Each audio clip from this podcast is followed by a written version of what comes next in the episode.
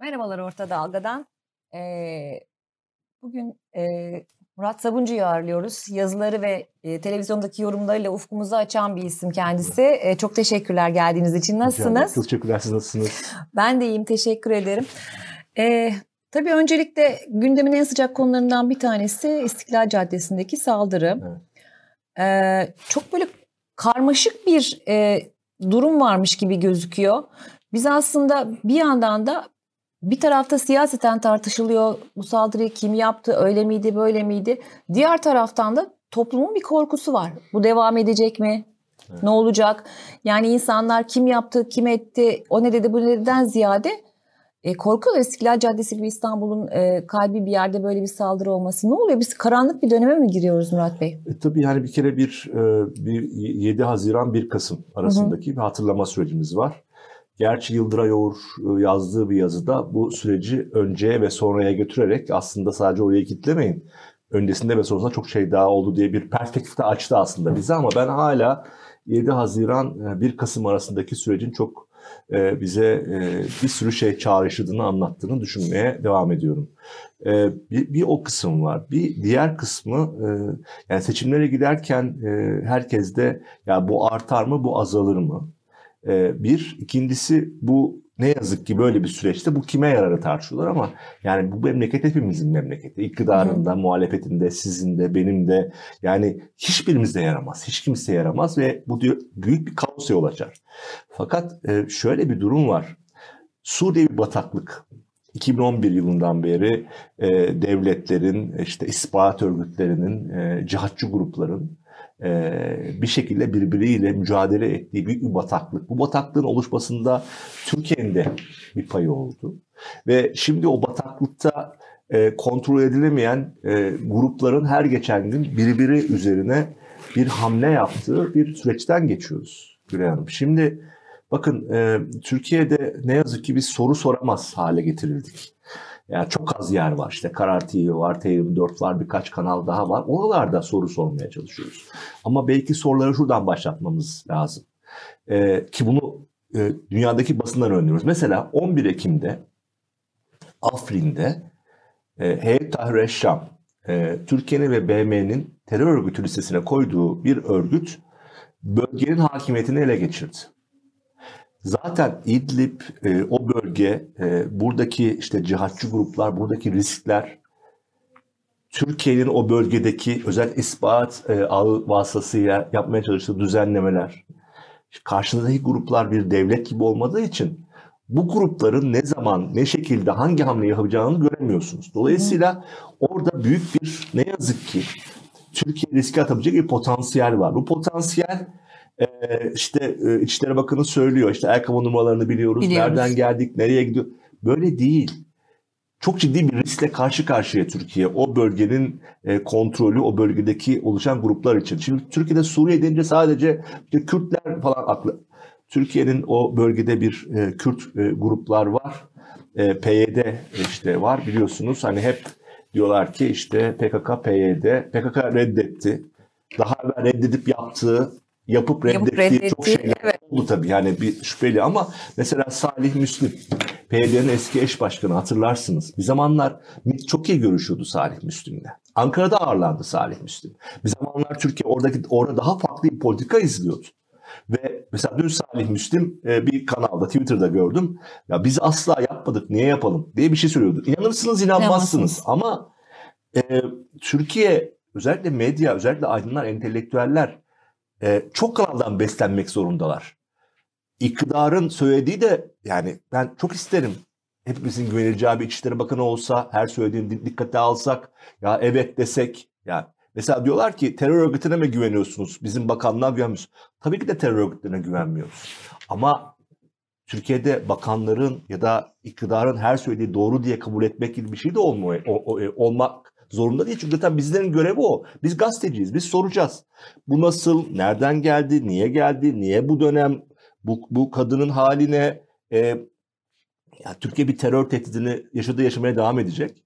Ve Türkiye'de ne yazık ki e, kutuplaşmanın da getirdiği süreçlerle e, kime güvenip kime güvenmeyeceği, söylediği lafın nereden geldiği. Eskiden hatırlayın Biz de çok eski aslında meslektaşız. Evet, evet. Ee, yani yaklaşık 25 sene evvel Milliyet Gazetesi'nde e, siz Posta Radikal'de çalışırken ben de Milliyet'teydim. O günlerimizi tanırız. E, eskiden hem her şey sorgulanırdı, e, haberler yapılırdı. Haber e, yapılırdı. Haber yapılırdı, soru sorulurdu ve o gelen haberlere göre e, gazeteciler de son tahlilde hata yapabilirler. Ama e, Türkiye'de eskiden mesela seçimlere giderken 3 bakan değişirdi. Yine yakın bakan olurdu ama e, Ulaştırma, İçişleri ve Adalet Bakanları değişir seçimlere giderken. Bir manipülasyon olmasın diye. Bunları geçtik. Şimdi mesela 5 senedir olan bir bakan var. Türkiye'de çok çok ciddi bir iç güvenlik problemi var. İşte mafya burada, terör örgütleri burada, e, çatışmalar oluyor Uyuşturucu sokakta. Baronlarının uyuşturucu burada olduğu söyleniyor. Burada yakalan, işte ya, evet. iki gün evvel Antalya'da biliyorsunuz bu sefer evet. İtalyan asıllı bir baron yakalandı. evet. E, işte Sırplar burada. Yani şimdi dünyanın herhangi bir yerinde ee, işte İstanbul'un, Ankara'nın mesela 5 Afgan'ı Ankara'da bir evde katlettiler. Ne olduğuna dair hani birkaç haber çıktı ama tam bilmiyoruz. İşte uyuşturucunun içindelerdi şöyle bir kavga oldu. Veya işte İstanbul'un önemli alışveriş merkezi çatışma alanları haline geldi. Mafya çatışıyor. E mafya çatışıyor. Uyuşturucu burada. E, Emniyet Genel Müdürlüğü raporlarına göre uyuşturucu kullanıp patlamış durumda. Bütün bunlara baktığınız zaman e, bir İçişleri Bakanı'nın sorgulanması gerekiyor ama sorgulanamıyor. Niye? Çünkü o bildik bir yöntemle işte hani bir bir belagat üzerinden ya da işte e, iktidarın diğer ortağı MHP ile kurduğu ilişki üzerinden kendine bir alan açmış. Hatta öyle bir alan ki bu alan Cumhurbaşkanı G20 zirvesinde Amerika'nın lideriyle görüşmeye giderken Amerika'yı sorumlu ilan edip bir taraftan da müttefiklik tekrar gözden geçirilsin diyebilerek kendi alanı dışında başka bir şey evet. söylüyor. Ki tabii ki de Amerika'yı tartışmalıyız. Yani Amerika'nın Türkiye'nin darbe sürecinde de başka süreçlerde 80 darbesinden bahsediyorum. Diğer süreçlerde yaptığını biliyoruz. Dünyada yaptıklarını biliyoruz ama e şimdi bu bir devlet politikası mı? Siz hangi ad, ne adına konuşuyorsunuz? Türkiye Amerika müttefikliği bırakıp NATO'yu bırakıp başka bir bloğa mı geçecek? Bunun hazırlıkları mı var? Bunu mu tartıştınız? Yani ayak üzeri, hayatlarımız ayak üzeri konuşuluyor. Hı. Hayatlarımız üzerinden ayak üzeri bir birileri bir şeyler anlatıyor falan. Yani onun için e, bütün bu süreçler içinde e, istiklalin özünde şu var. E, pek muhtemeldir e, PKK yapmış olsa, başka bir bir e, örgüt de yapmış olsa Türkiye hemen yakınındaki bir bataklık üzerinden daha da büyük risklerle karşılaşabilir. Ummuyoruz ama bu soru işaretlerini sormadığımız takdirde hayatımız daha çok tehlikeye girecek. Daha çok yoksullaşacağız daha büyük sorunlarla karşı karşıya kalabiliriz diye düşünüyorum. Bir de tabii şey de var yani hakikaten böyle şifre çözmeye çalışıyoruz ama evet. bombanın e, patladığı andan 3-5 dakika sonra herkes hani kimileri aa seçim evet. yani bu, bunu böyle konuşuyor olmak bile çok kötü. Çok kötü değil mi? Çok ya kötü. çok ürkütücü değil çok mi? Kötü, çok kötü.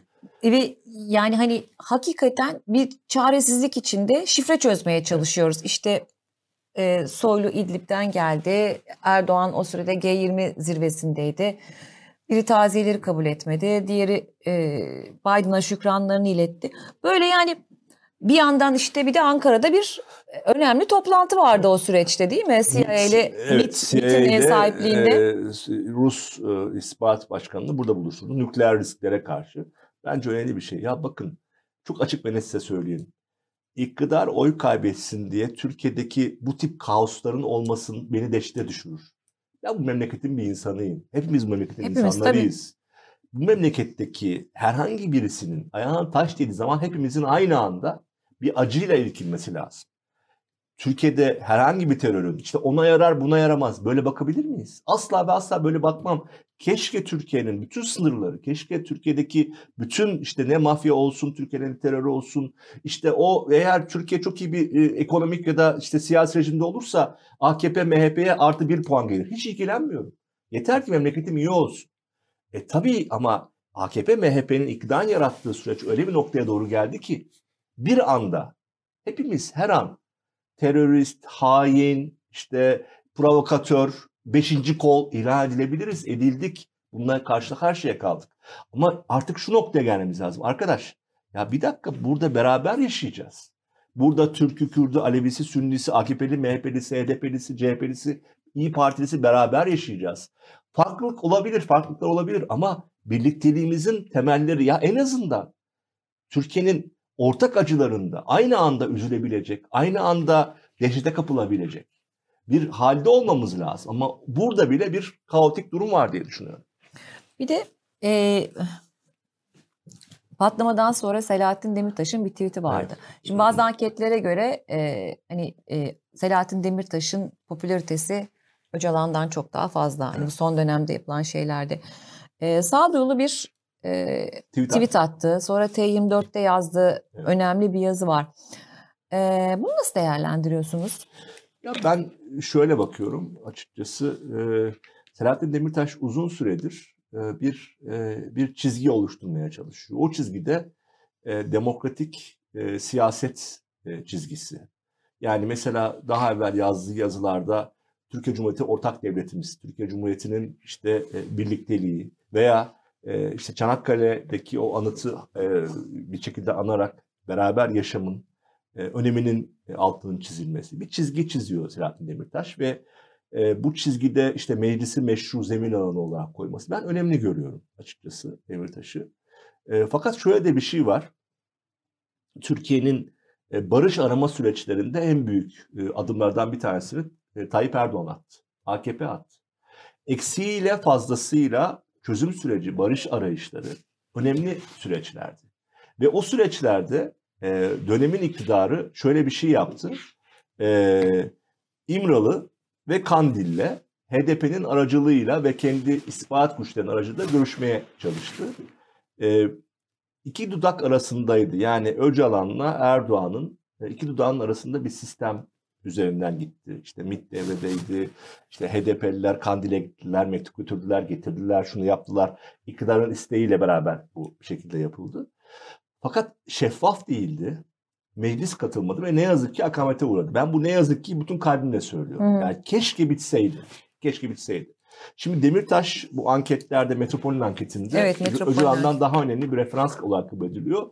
Ancak eğer Türkiye bir barışa e, kavuşacaksa e, elinde silahı tutanla da MİT aracılığıyla mı görüşülür? Nasıl görüşülür? Yani Kandil'le de Öcalan'la da bir şekilde bir görüşme serisini daha evvel yaptığı gibi yapmalı. Yani Demirtaş ve arkadaşları Türkiye demokratik siyasetin önünü açarken bu elinde silah tutanlarla da bir şekilde bu devletin şeffaf bir şekilde insanları görüşüp eskiden olduğu gibi e, meclisin iradesiyle, meclisin onayıyla bir noktaya getirmek lazım. Yani hani Demirtaş en önemli Kürt aktör ama Demirtaş'ı Öcalan'la ya da başkasıyla karşılaştırmak, şey yapmak, e, onun anketi ne kadar dinliyorlar falan bunlar bana çok şey gelmiyor. Çünkü her birinin ayrı misyonu var.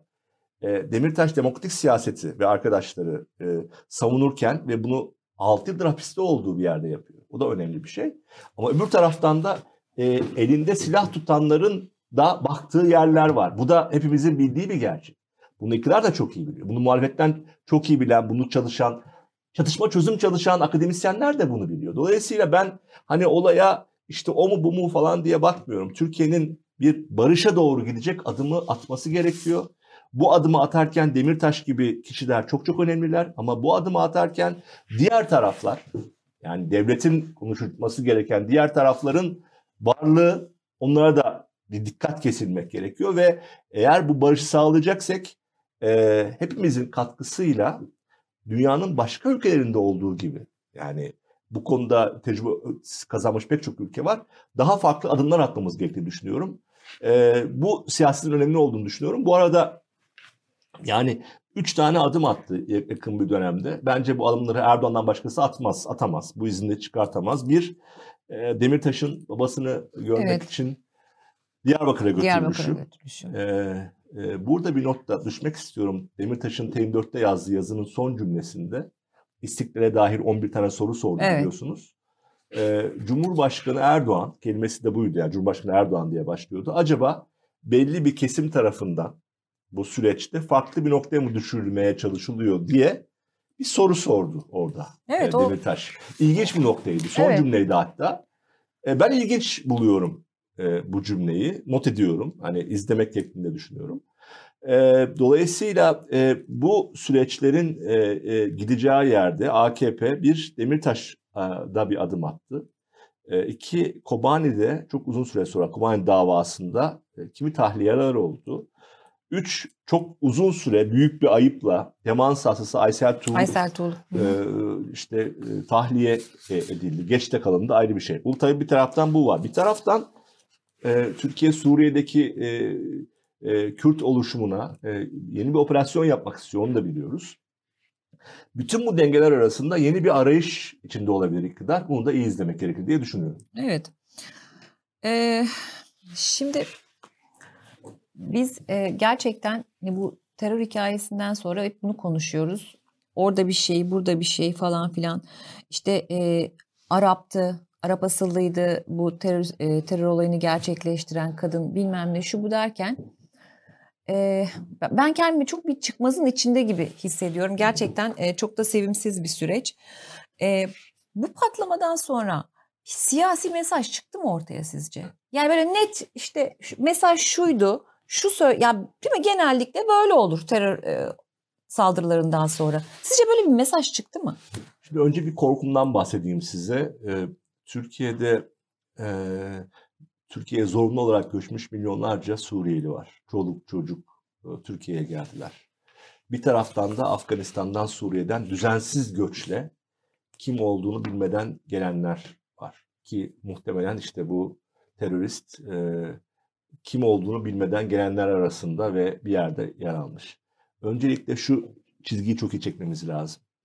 Türkiye'nin e, Türkiye'de sığınmacı olarak bulunan insanların tamamına e, ya bunlar riskli insanlardır gözüyle bakma potansiyeli başlarsa zaten bunun bir altyapısı yapıldı.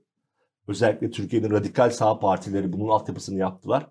Hele hele bu tip olaylardan sonra bu insanları biz hedef olarak gösterilmeye ve görmeye başlasak bu büyük bir risk olabilir. Bu riski görüyorum ve bundan endişe ediyorum. Önce size bunu söyleyeyim. İkincisi mesajlar olabilir fakat daha biz olayın tam o ne olduğunu, kim kaynaklı olduğunu anlamış değiliz. Yani e, PKK'nın, PYD'nin bunu büyük bir şeyle reddetmesi. Ki biliyorsunuz PKK'nın TAK falan gibi başka, başka isimlerle yapmış örgütleri de var. Onlar da yapmış olabilirler ki TAK'ın genel olarak 3 ya da 4 gün içinde e, açıklama yaptığını biliyoruz. Pazardan bugüne perşembe 4 gün 4 geçti. Gün Hala işte. bir şey yapmadılar. Yapmış olabilirler mi? Olabilirler. Yani sonuçta bir terör örgütünden bahsediyoruz.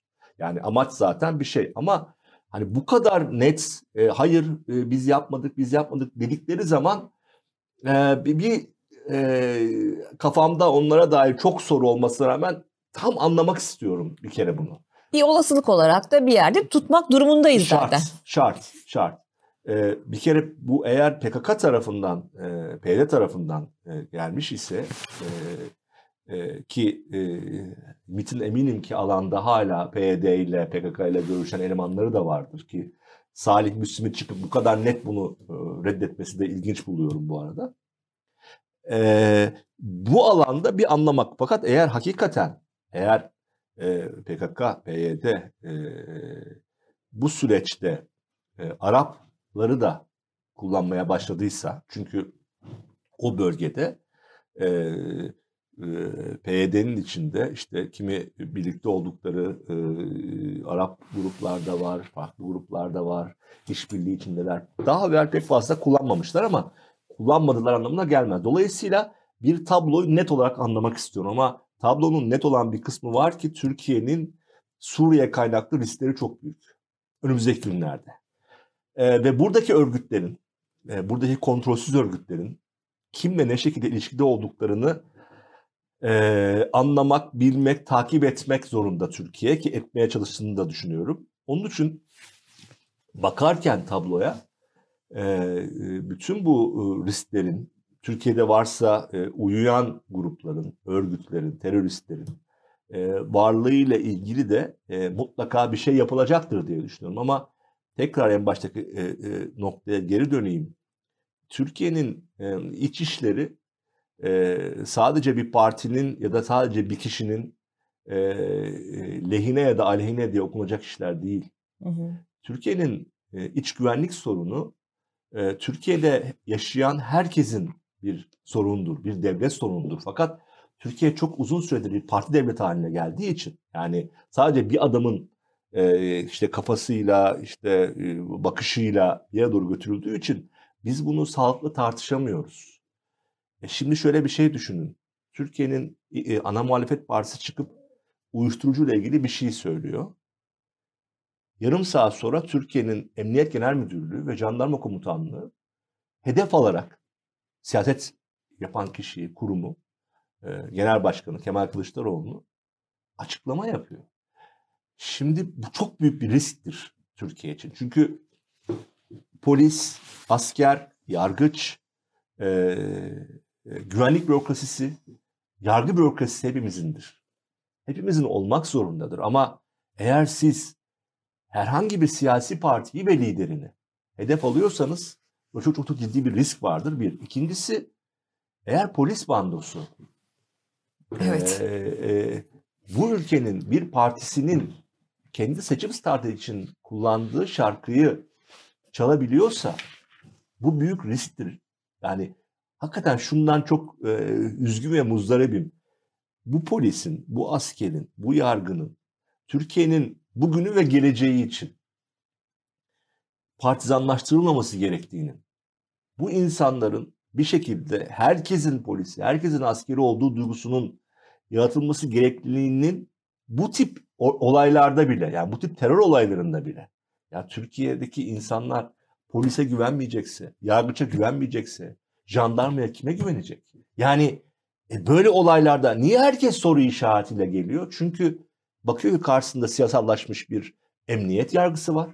Bu arada Türkiye'nin 350 bin tane polisi var. Hepsine bunu diyemem ben. Yani üsttekilerden bahsediyorum doğal olarak. Türkiye'nin hepimizin hayatını çıkarını düşünen e, yüz binlerce e, polisi de var, jandarması da var, askeri de var. 15.280 tane savcısı yargıcı vardır Türkiye'nin. Ben bunların 15 bin tanesinin, 15 bin üzerindeki insanın çoğunun ya bir dakika dediğine eminim şu anda. Ama soru soruyor insanlar. Niye soruyor? Çünkü şöyle düşünmüyor. Aa, bu bunu bu iktidarın adına mı acaba bu polis konuşuyor? Bu soru meşru bir soru mu? Meşru bir soru. Niye? E çünkü siyasi tavır almış bir polisle karşı karşıyayız. E, siyasi tavır almış polis kalkıp bir şey söylediği zaman ya niye hemen buldu? Ya mesela eskiden olsa ya helal olsun polise ya. Hemen buldu. Hemen gitti buldu. Helal o. Niye diyemiyor? Ya diyor ki ya bu adam bir hafta evvel siyasi bildiri yayınladı. Acaba mı diyor. Haksız mı? Haklı. Meşru bir soru.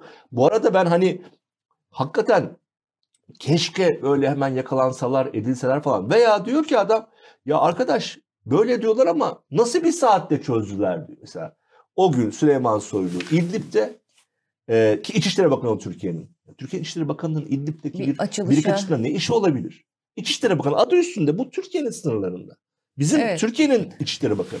Bakın Süleyman Soylu'nun çektirdiği fotoğraflar, yapısı, kriminal bir sürü şey onu da dışında tutuyorum. Onun dışında tutarak söylüyorum ki belli yani Süleyman Soylu'nun yapısı. Ama ya şu insanlar kendi hayatlarıyla ilgili bir konuda bile polise, askere, yargıya güvenemiyorsa yani Türkiye'nin en büyük problemi şu anda güven problemi haline geldi Gülay Hanım.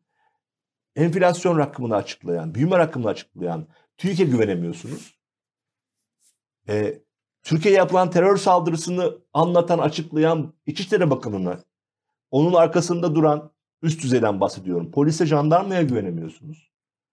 E peki nasıl e korkuyorsunuz. Ve ko- kork- memleket insanlar korkuyorlar. Ve Haklılar korkmakla. Çünkü yani hepimizin, çoluğumuzun, çocuğumuzun, anamızın, babamızın, kendimizin, kardeşimizin geçtiği büyük bir meydan orası. Evet bir mesaj var orada. Ama bu mesajın e, deşifre edilirken ki bu bir saatlik hal, kabadayı haller, bu, bu ülkenin bir devlet geleneği vardı. Oturulur, bu da bir şıktır. İçişleri Bakanı da oturur, Adalet Bakanı da, Cumhurbaşkanı da oturur. Hatta eskiden gidilip muhalefete bilgi verilirdi böyle anlarda. Hı hı. Kapı çalınırdı, anlatılırdı. Oturulur, riskler tartışılır, mesaj nedir tartışılır ve çıkar sonra birisi, hepimizin güveneceği birisi bize bunu anlatır. Şimdi çıkıyor birisi, kolları açmış, kabadayı gibi. Ona mesajı aldık, ders vereceğiz falan. Arkadaşım evet. sakin. Türkiye bir Türkiye bir devlet. Her şeye rağmen bir devlet. Benim de devletim, sizin de devlet, hepimizin devleti. Sen oturup bir saat içinde gelmişin İdlib'den ne olduğu belli değil. Mesajı aldık, verdik, müttefik değiliz. Peki mesela mesaj tartışıldı mı? Müttefiklik falan. Peki olabilir. Türkiye şöyle bir karara varabilir. Ya biz ABD, NATO ile müttefik değiliz bundan sonra. Ki kolay değildir bunu böyle lan pat diye e, karar vermek. Atıyorum X ülkesi Y paktı ile birlikte olacağız. Bu bile tartışılabilir. Ama bir tane adam ülkenin o anki kaosunu kendi çapında kabadayı bir tavırla eğer anlatmaya, bastırmaya çalışırsa burada bir problem var demektir. Ve problem çok iyi bir problem aslında. Ve e, gerçekten bir de zaten e, sosyal medyaya girilemedi. Evet. Yetkililer VPN üzerinden girmişler belli ki oradan evet. tweet paylaştılar. Yani gerçekten abuk subuk bir süreç yaşandı. Bir de 16 Kasım sabahı Endonezya'da G20 zirvesinde ilginç bir toplantı oldu. Biden'ın son dakika toplantısı evet. oldu. Ee, bütün ülkeler toplantıya davet edildi. Türkiye yoktu. Evet. Ee, Erdoğan da şöyle bir şey söyledi. Frans 24 muhabirine o kadar da önemli bir şey değildi. Hani anlaşıldı mı okey falan gibi bir halbuki o önemli bir toplantıydı. Yani tam da Türkiye işte bir terör saldırısına uğramış e, ve orada belli, iyi ilişkiler kurulmuş ülkelerle bir sürü şu olmuş bu olmuş falan. Bu toplantıya Türkiye davet edilmedi. Siyasi bir mesajı olabilir mi? Olabilir. Ee, onu anlatayım ama müsaade ederseniz BTK'dan bir cümle söyleyeyim lütfen, öyle geçeyim Lütfen. Oradan. Şimdi e, o akşam hemen televizyonlara e, yayın yasağı geldi evet. biliyorsunuz. E, memleketin e, en çok insanın yaşadığı şehrin göbeğinde patlama oluyor. Ve siz haber yasağı yüzünden bunu tartışamıyorsunuz. Kimi görüntüler konusunda dünyada benzerleri var. Tamam. Ben e, yani medya üzerine sadece gazetecilik yüksek, yüksek lisansla yaptığım için o konuları çalıştım biraz. Doğal olarak hani e, o görüntüler ama ne oldu o akşam biz ekranlarda sadece neyi gördük? Sadece iktidar yetkililerinin söylediği cümleler üzerinden bir şey anlamaya çalıştık. Bir, ama zaten bir güven yok oraya. İki, sosyal medyadaki o band kısıtlamasıyla beraber sosyal medyamız gitti. Gitti. Şunu hissettim o akşam ya ne kadar kendimi yalnız hissettim biliyor musunuz? Çünkü dönüyorum ekranlara bakıyorum bir, bir haber yok. Dönüyorum sosyal medyayı açmayıp anlamıyor. Tabii ki de VPN'in falan var. O tabii değil. ki, ama, tabii ki, tabii ki. Ama o andaki yalnızlık, çaresizlik his şu. Ya ne oluyor? Ne olacak? Ne tartışılıyor, ne görülüyor. Ee, tabii herkes gibi ben de şunu da düşündüm. Yani o akşam konuştuk bir, bir grup dostla. Ee, seçim giresi ne olacak? Aynen, evet. Herkes seçim güvenliği. evet, seçim yani güvenliği. Herkes... Seçim günü, bakın Güney Hanım, Türkiye'de 55 bin tane sandık var. Hı hı. Ee, 55 bin tane oy kullanma yeri var. Türkiye'nin değişik yerlerinde. 258 bin tane de sandık var. Ee, e, 55 bin farklı oy verme alanındaki e, e, güvenlik polis ve jandarmanın elinde. Demin söyledim. Ben Türkiye'nin polisine ve jandarmasına güveniyorum, güvenmek istiyorum. Bu e, bir grup insanın sadece şeyiyle bu yapının değişmeyeceğini ummak da istiyorum. Ki geçmişte ne yazık ki polisin işte askerin içine kimlerin karıştığını, Fethullahçıların nasıl girdiğini, iktidarın isteğiyle ve onayıyla o arada nasıl yapılandıkları falan filan da bilen bir insan olarak bunu söylüyorum. Yine de diyorum ki şimdi o seçim akşamı 55 bin tane sandık. 55 bin tane merkez. merkez. 258 bin tane sandık. Polis ve jandarmanın kontrolünde olacak. Peki güven, güveniyorum tamam. Sonra oradan gelen veriler kimin kontrolünde olacak? Yargının kontrolü olacak değil mi? Türkiye'de 7 Nisan'da e, yürürlüğe girecek yeni seçim yasasıyla beraber eskiden o bölgenin, o ilin, o ilçenin, o bölgenin en yüksek derece yargıcıyken sorumlu olan, şimdi biliyorsunuz daha farklı bir yargıç sistemi getirildi. Kura getirildi falan filan. Polis, asker ve yargıç sistemi. Kafamızda bu var. Bir de üstüne ekleyin. Diyelim ki o gece dediler ki Allah korusun bir yerde bir problem oldu. Kıstık şey dediler sosyal medyayı. Neyle karşı karşıya kalacağız? Bu ülkede bir buçuk milyon tane mühürsüz oyu kabul edilen bir sistemden geçtik. Evet. Bu ülkede Anadolu Ajansı'nın e, yüksek gösterdiği, kimi iktidarın aldığı oyları yüksek gösterdiği ilk anlardan sonra e, ya bu seçim gitti kayboldu diye endişeye düşüp sandık terk eden insanları gördük Türkiye'de. Şimdi bütün böyle bir süreç varken evet muhalefet iyi hazırlanıyor onu görüyorum. Yani her e, sandığın olduğu e, binaya sadece müşahitler değil bir avukat koymak istiyorlar. Bir birer avukat. Yani Türkiye'de ne kadar avukat varsa e, İstanbul'da, Ankara'da, böyle işte e, Orta Anadolu'da, Doğu Güneydoğu Anadolu'da her e, sandığın olduğu yere bir avukat. Bu çok önemli bir şey ama Hı. o da yetmeyebilir. Bu, bu bunu düşündürttü bana. E, o akşamla ilgili bir endişe duydum bu. Bunu ayırıyorum ve sizin sorduğunuz soruya dönüyorum. E, 15 dakika görüştü Cumhurbaşkanı e, Biden'la. Çevirisi falan. Yani azdır çoktur ama görüşmek önemlidir. E, belli konularda biliyorsunuz Türkiye F-16 almaya çalışıyor. E, modernizasyonun yapılmasını onay almaya çalışıyor. Destek aldığını söyledi. Onu da geçiyorum. Ama şu çok açık ve net. E, bu tip bütün liderlerin katıldığı toplantılar hariç Amerika'nın başkanı Türkiye Cumhurbaşkanı görüşmek istemiyor. O kesin. Yani hı hı. hani ancak böyle toplantılarda hani Cumhurbaşkanı Amerika'ya gittiği zaman randevu istiyor falan filan. Önemli midir? Şöyle önemlidir. Ee, Rusya'nın devlet başkanıyla bu kadar rahat konuşurken gider gelirken Cumhurbaşkanı Amerika'nın başkanıyla görüşmek ister. Hem içeriye mesaj almak ister hem dışarısıyla bir ilişki kurmak ister falan. Ama e, NATO gibi bir güvenlik örgütünün e, e, Polonya'daki durumu değerlendirip toplantıya çağrılmamasını e, ki Polonya'daki durum yani yani ilk başta aman Allah'ım evet. yani öyle o kadar da önemsiz evet. bir şey evet. değil tamam sonra e, nabız düştü anlaşıldı evet. ama evet. Ve ve e, bakın e, o toplantıya katılanlardan bir kısmı G20 üyesi değil. Değil. E, bu arada Endonezya, e, Hollanda e, e, iktidarını kendisi çağırmış. Çağır, Gözlemliyor. Evet, Çağırabiliyor evet. biliyorsunuz evet, böyle şeyler. Evet, evet. E, Hollanda vardı masada falan. Şimdi e, Kanada orada, Japonya orada, NATO üyesi, efendim Avrupa Birliği'nden temsilciler orada. Almanya orada, Fransa Almanya orada, orada. Hepsi İspanya orada. daimi üyeler e, orada. Dönüp Türkiye'nin dönüp Türkiye'nin e, liderinin kendi kendine bunu sorması gerekiyor. Yani o sadece önemsiz toplantı diye geçilecek bir şey değil. Biz bunu biliyoruz. Hı hı. E, niçin Türkiye e, e, Batı e, ile arasında her geçen gün derinleşen bir köprü yarattığı düşünmesi gerekiyor. Batı'nın e, Sarkozy ile başlayan o rezalet dönemin hiç mi etkisi yok? Tabii ki de var. Ama son dönemde Türkiye'nin her geçen gün e, Rusya ile kurduğu o ilişkilerle beraber e, yer aldığı blokla ilgili bir dünyanın bir sorunu var Gülay Hanım. Bu sorunla e, Türkiye yüzleşmek zorunda. Yani bir tane orada gazeteciye siz e, Frans 24'ün e, muhabirini azarlarsınız. İşte bir e, siyasi bir şey yaparsınız falan. O önemli değil. Ama Türkiye şununla yüzleşmek zorunda. Bakın Türkiye'nin e, aldığı borcun %78'i e, Batı ülkelerinden. Ve Türkiye borcunu çevirmek zorunda. %78'i. Sadece %78'i Rusya'dan ve diğer ülkelerden geliyor. 78'i. Türkiye'nin silah envanterinin %77'si Batı kaynaklı. Avrupa ve Amerika kaynaklı. Yer, yerli silah sanayinde adımlar atılıyor. Evet ama yetmez. Bakın uçak için işte. Yani bir S-400 aldınız F-35'ler gitti elinizden. Gitti. Yani F-16'lar için tekrar gidiyorsunuz. Bunu almaya çalışıyorsunuz. En son işte zirvede e, belki Türkiye e, SAMP-T'leri alacak. Biliyorsunuz Avrupa kökenli bir e, savunma füzeleri bunlar falan.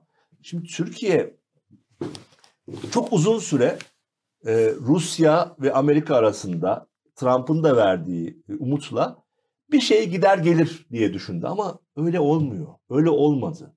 Dünya çok hızlı bir şekilde şuraya doğru gidiyor. Ne yazık ki demokrasiden yana olan bloklar demokrasi karşıtı bloklar. Ha diye, siz bana diyebilirsiniz ki ya ne kadar demokrasidir Avrupa, Amerika demokrasisi? Tartışırım, haklısınız derim. Örneklerini veririz beraber, o art alta koyarız. Ama, Ama totalde totalde biraz, biraz daha, daha hani, baktığınız zaman hukukun öbür tarafta çok farklı bir blok oluşuyor bakın.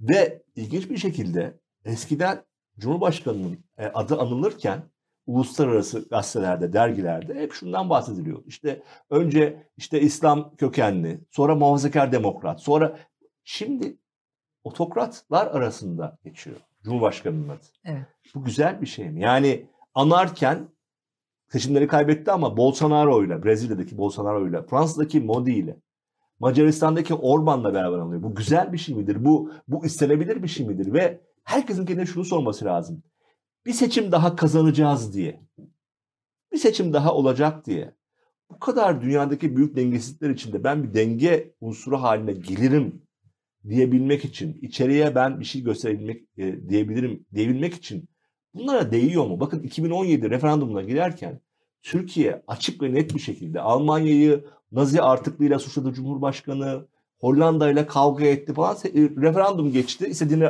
Tabii nasıl aldığını tartışırız da. Yani hani ucu ucuna ve o mühürsüz oylar. Ee, birdenbire tekrardan görüşülmeye falan başlandı. Bu büyük diplomaside, ekonomide, hayatta yapılan büyük yarılmalar e, Türkiye'yi e, ne yazık ki o dönemi atlatan bir ülke iken, atlatmış gözüken bir ülke iken bütün sorunları halının altına süpürdü ve biz bunun bedelini ödedik ödemeye devam edeceğiz. Bir cümleyle bitireyim. Dün Bloomberg'de bir şey vardı, haber vardı. Türkiye sene başından şimdiye kadar Merkez Bankası eliyle 98 milyar dolarlık bir piyasaya döviz müdahalesi yapmış. Evet. Bakın 98 milyar, milyar dolar. dolar. Bu ne demek? 98 milyar dolar neden? Cumhurbaşkanının sadece faiz sebeptir, enflasyon sonuçtur tezi kanıtlansın diye e, enflasyonun 70-80 puan altına tek haneye insin diye siyasi olarak bunu bakın ben dinin gereğini siyasetin gereği yaptım diyebilsin diye hepimizin cebinden ödenen bir para haline getirmiş bir sistemden bahsediyoruz. Bunlar bunların bedeli ne yazık ki ödenir diye düşünüyorum. Evet şimdi Murat Bey e, siz hem deneyimli bir gazeteci hem de ekonomik konusunda e, evet. çok deneyimli bir isim olduğunuz evet. için soracağım. Şimdi e, enflasyon ortada, pahalılık ortada. Evet. İşte hani her birimiz dışarıya çıktığımızda daha önce aldığımız bir şeyi iki katı fiyatını alıyoruz. Şu bu. Ama bir yandan da şöyle bir havada var mı?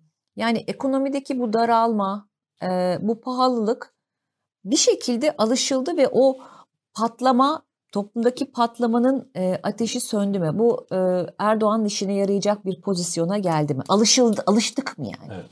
Ya ben iki türlü bakıyorum. E, bir bir veriden bahsederek size e, başlamak istiyorum. Panorama TR var. Evet. Ee, Osman Sert ki karar yazarı, Hatemete onların evet. çok ciddi bir e, veri seti var. Ben geçen ayki e, raporda e, Tayyip Erdoğan'a oy vermekten vazgeçmiş kitleler üzerine bir araştırmaları vardı, hı hı. bölüm vardı. E, ki Osman Sert'ten izin aldığım için e, burada bunu söyleyeceğim. E, o araştırmaya göre e, Erdoğan'dan vazgeçen kitleler arasında en yoğun kitle Türkiye'nin en düşük gelir seviyesine sahip kitleler. Türkiye'nin işte orta orta üst seviyeleri geri geldi.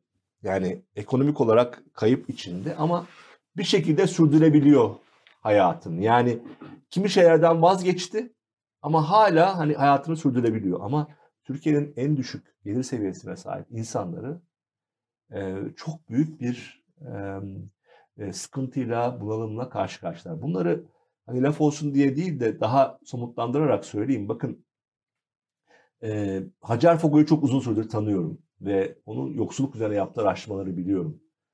Türkiye'de e, pek çok e, çocuk iyi beslenemediği için e, bodurlaşma riskiyle karşı karşıya. Bodurlaşıyor. Türkiye'de çok çok e, çok dehşet fena. bir şey. Türkiye'de pek çok çocuk e, oturduğu binanın e, e, hali artı ısıtılamaması sebebiyle koa, nefes hastası olma problemiyle karşı karşıya.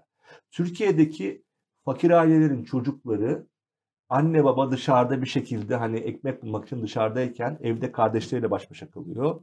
Ee, ve o çocuklarla diğer çocukları yani onlar yokul aile çocukları diye kendi çocuklarını konuşturmayan aileler var ne yazık ki. O çocukların kelime hazinesi çok sınırlı kalıyor. Bu çocuklar okula başladığı zaman öğretmenleri bunların zeka geriliği var diye okulun dışa tutmaya çalışıyorlar. Bunlar hay halde gerçek oldu. Ben şimdi Türkiye'nin bu yapısına baktığım zaman çok ağır bir e, acıyı görüyorum. Dediğiniz gibi hani nedir hayat diye de bakabiliriz. Yani hayat nedir? Hayatı sürdürmek de bir hayat, yaşam tarzıdır. Yani biliyorsunuz. Hayatta kalabilmek de. Maslow'un ihtiyaçlar hiyerarşisi var. Yani işte beslenme, barınma. Barınma. Öyle de yaşayabilirsiniz. Yani Allah'a şükür bugün işte çorbamızı içtik, karnım evet. doydu. E, ev işte kötü ama idare de ediyor. Hayat, Türkiye'de hayatı bunu indirgemeye çalışan bir iktidar yapısı var. Şükret, daha ne olsun ya ekmeğim var işte falan. Şükredelim. Şükredelim de e, insanların çoluğu çocuğu sadece bizim hayatımız değil. Okuyamayan, beslenemeyen, hayal kuramayan. Ya, BBC'de okudum haberi. 36 ay taksitle kabanın altı kalın. Evet, 36 tamam. ay taksitle. Bundan 7 sene ve 36 ay taksitle araba alıyorduk. E şimdi bu duruma baktığımız zaman evet bir kesim tırnak içinde ya birkaç şeyi azaltıp alıştım diyebilir ama Türkiye'nin geneli bu değil Gülhan Türkiye'nin genelinde hayatın her yerinden e, risk sinyalleri yani geliyor. Bu normalleştirilebilecek bir durum değil. Değil. Değil. Yani çok hani kendimden bir örnek vereyim size. E, yaklaşık 18 gün kısıkta doğalgaz yaktık. Çok kısık. İki kişiyiz Tabii. evde. Bir de kedimiz var. E, 978 lira bir doğalgaz faturası geldi. Çok kısıkta 20 gün. kışın düşünün. Yani şöyle bir şey. Hani bunu bu milyonlarca insan e, bu riskle karşı karşıya kalacak. Ve diyorlar ki işte biz ya devlet size doğalgaz yardımı yapacak para olarak. Devlet de doğalgaz yardımı yapmayacak. Devlet bizim verdiğimiz vergilerle Yani kendi patlattığı kur yüzünden bizim karşı karşıya kaldığımız son derece büyük devasa doğalgaz sorumuna benim paramdan para aktaracak. Bu kadar basit. Yani insanların herkesten bu şeyi tabii beklemeyebiliriz. Yani herkes bu şeyi yapıyor mu bilmiyorum ama devlet değil. Ben benim vergimden kesilen parayla bana kendi hataları yüzünden patlattıkları kur üzerinden büyük bir e, durum, zorluk yaşatıyorlar. Aynı şekilde kur korumalı mevduat. Bu kur korumalı mevduatın hazineye yüklediği yük Türkiye'de tarım kesimine verilse 55 milyar doların 3 katı 4 katı para aktarılıyor. Zenginlerin iktidarı haline gelmiş bir AKP'den bahsediyoruz ve AKP'yi şu anda sadece zenginler tercih ediyor, istiyor. Rakamlar bunu söylüyor, e, başka notlar bunu söylüyor. %30-32 gözüküyor olabilir. Bu %30-32'nin %20'si 22'si AKP'nin zenginleştirdiği ya da AKP'nin işe yerleştirdiği insanlardan oluşuyor. Onları dışlamıyorum. Ama hayat benim komşum da mutlu olduğu zaman bir hayat benim için. Hayat benim gibi düşünmeyenin, aynı partiye oy vermeyen insanın hayatı da iyi gittiği zaman hayat benim için. Öbür türlü hayat nedir ki? Yani başkası düşünebiliyor musunuz? Siz atıyorum işte AKP elitisiniz. İktidar ondan bir sürü ihale almışsınız. Rahatsınız. Mutlu yaşayabilir misiniz? Tabii ama yani herhalde şöyle bir kafa var. Yani ben bu kadar parayı kazandım. Londra'da gidip e, 3-5 tane ev alırım. Çocuklarımı orada okuturum. E, gibi rahatlıklar içinde herhalde. Ben şimdi tabii mevzu çok da son olarak bir altılı masaya gelmek Evet. istiyorum. E, uzun bir aradan sonra toplandılar ve 8 saat uzun bir toplantı devam etti. Hep bir şey var ya altılı masa beklenen heyecanı yaratacak. Bir beklenen hep benim aklıma da o zaman beklenen şarkı filmi geliyor. Niyeyse bilmiyorum çok tuhaf. Ee, şimdi Demokrat Parti lideri Gültekin Uysal, e, Uysal salı günkü programda Elif Çakır ve Yıldıray Yor'un programında mealen Evet. Kemal Kılıçdaroğlu'nun hı. adaylığını desteklediğini söyledi ve kazanabileceğini söyledi.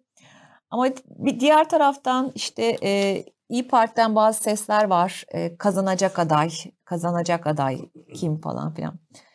E, altılı masa sizce beklenen heyecanı uyandırmayı başardı mı? Başaracak mı?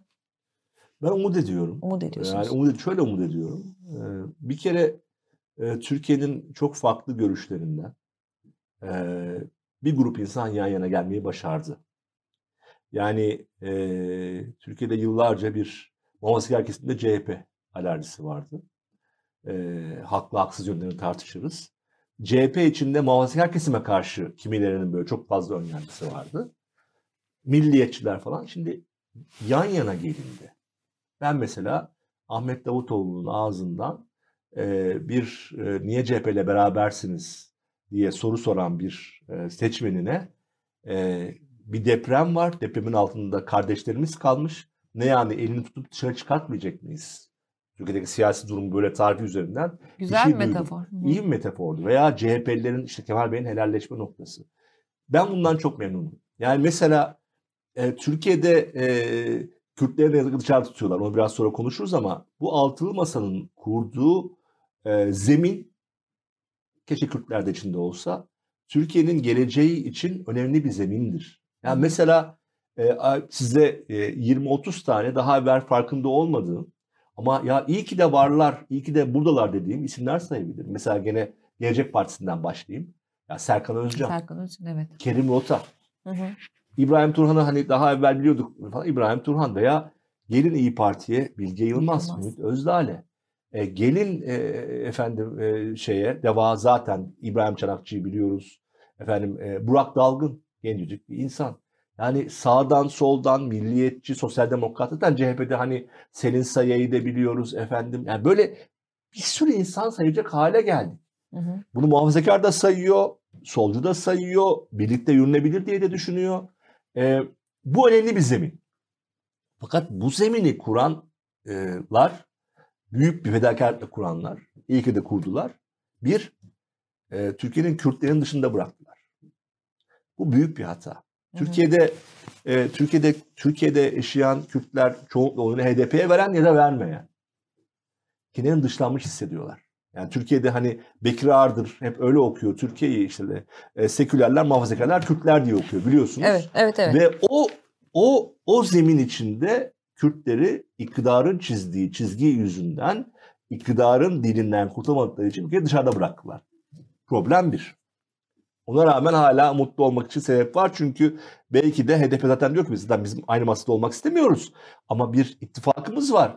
Cumhurbaşkanı adayınızı belli ettiğiniz zaman bizimle paylaşın ki ona göre bir yol yürüyebilir miyiz, yürüyemez miyiz ona bakalım diyorlar. HDP e, sorumlu e, hareket ediyor bu arada. Şimdi birincisi bu. Yani zeminin zeminin siz bakmayın iktidarın çizdiği yedinci ayak falan filan. Üç ayaklı Türkiye'nin bir ayağı eksik orada. Ama orta vadede başka bir şey yapılabilir. Birincisi bu. İkincisi e, bu zemin e, 28 e, Kasım'da biliyorsunuz anayasa taslağı açıklayacaklar bize. Anayasa toplumsal sözleşme demektir. Anayasa hepimizin anayasasıdır. E, altılı masa yaklaşık 9-10 aydır, 11 aydır birlikte çalışıyor bu toplumsal zemini yani en önemli taslağı yani anayasayı bu 10 ayda diskle, hakişle, Türk işle, akademiyle, gazeteciyle, sivil toplum kuruluşlarıyla konuşarak hazırlayabilirlerdi. Yani bu hepimizin anayasası olabilirdi. Ama yine hani çok saygın anayasacılar yok mu içlerinde? Var tabii. Yani Serap Yazıcı da orada, İbrahim Kaboğlu da orada. Saygı sonlara saygı duyuyorum. Ama Nedir şu andaki bizim iktidardan yakındığımız şey? Her şeyi tek bir kişi veya etrafında birkaç kişiyle bize sunan en iyisi budur diyen bir şey. İyi, altılı masanın bir farkının şu olması lazım değil mi sizce? Hepimizin ortaklaşa kendi kaderimiz için fikrini söylediği, duruşunu gösterdiği bir yapı olması gerekiyor. Şimdi anayasa, onu da geçiyorum. Şöyle bir şey var e, Gülay Hanım, şunu e, inanıyorum ve düşünüyorum. E, bu altılı masa sadece bir aday çıkarmayacak. Bu altılı masa aynı zamanda e, Cumhurbaşkanı yardımcıları, e, bakanlar ve önemli bürokratik yerlere e, e, e, önereceği isimlerle hepimizin karşısında bir ekip çıkaracak. Böyle bir duyumunuz var, var mı? Var, var. Hı hı. Yani hep beraber çıkıp evet. işte bizim evet. adayımız bu Cumhurbaşkanı adayımız, bu evet. ekonomi, buna evet. Merkez Bankası, evet. şuna. Evet. Evet. evet. En azından bir 8-10 kişilik, 15 kişilik bir grubu göreceğiz. Hı hı. O ekibi gördüğümüz zaman heyecanlanırız. He- evet. Memleket de heyecanlanır. Neden biliyor musunuz? Bir, altılı masa bugüne kadar şöyle iyi bir şey yaptı.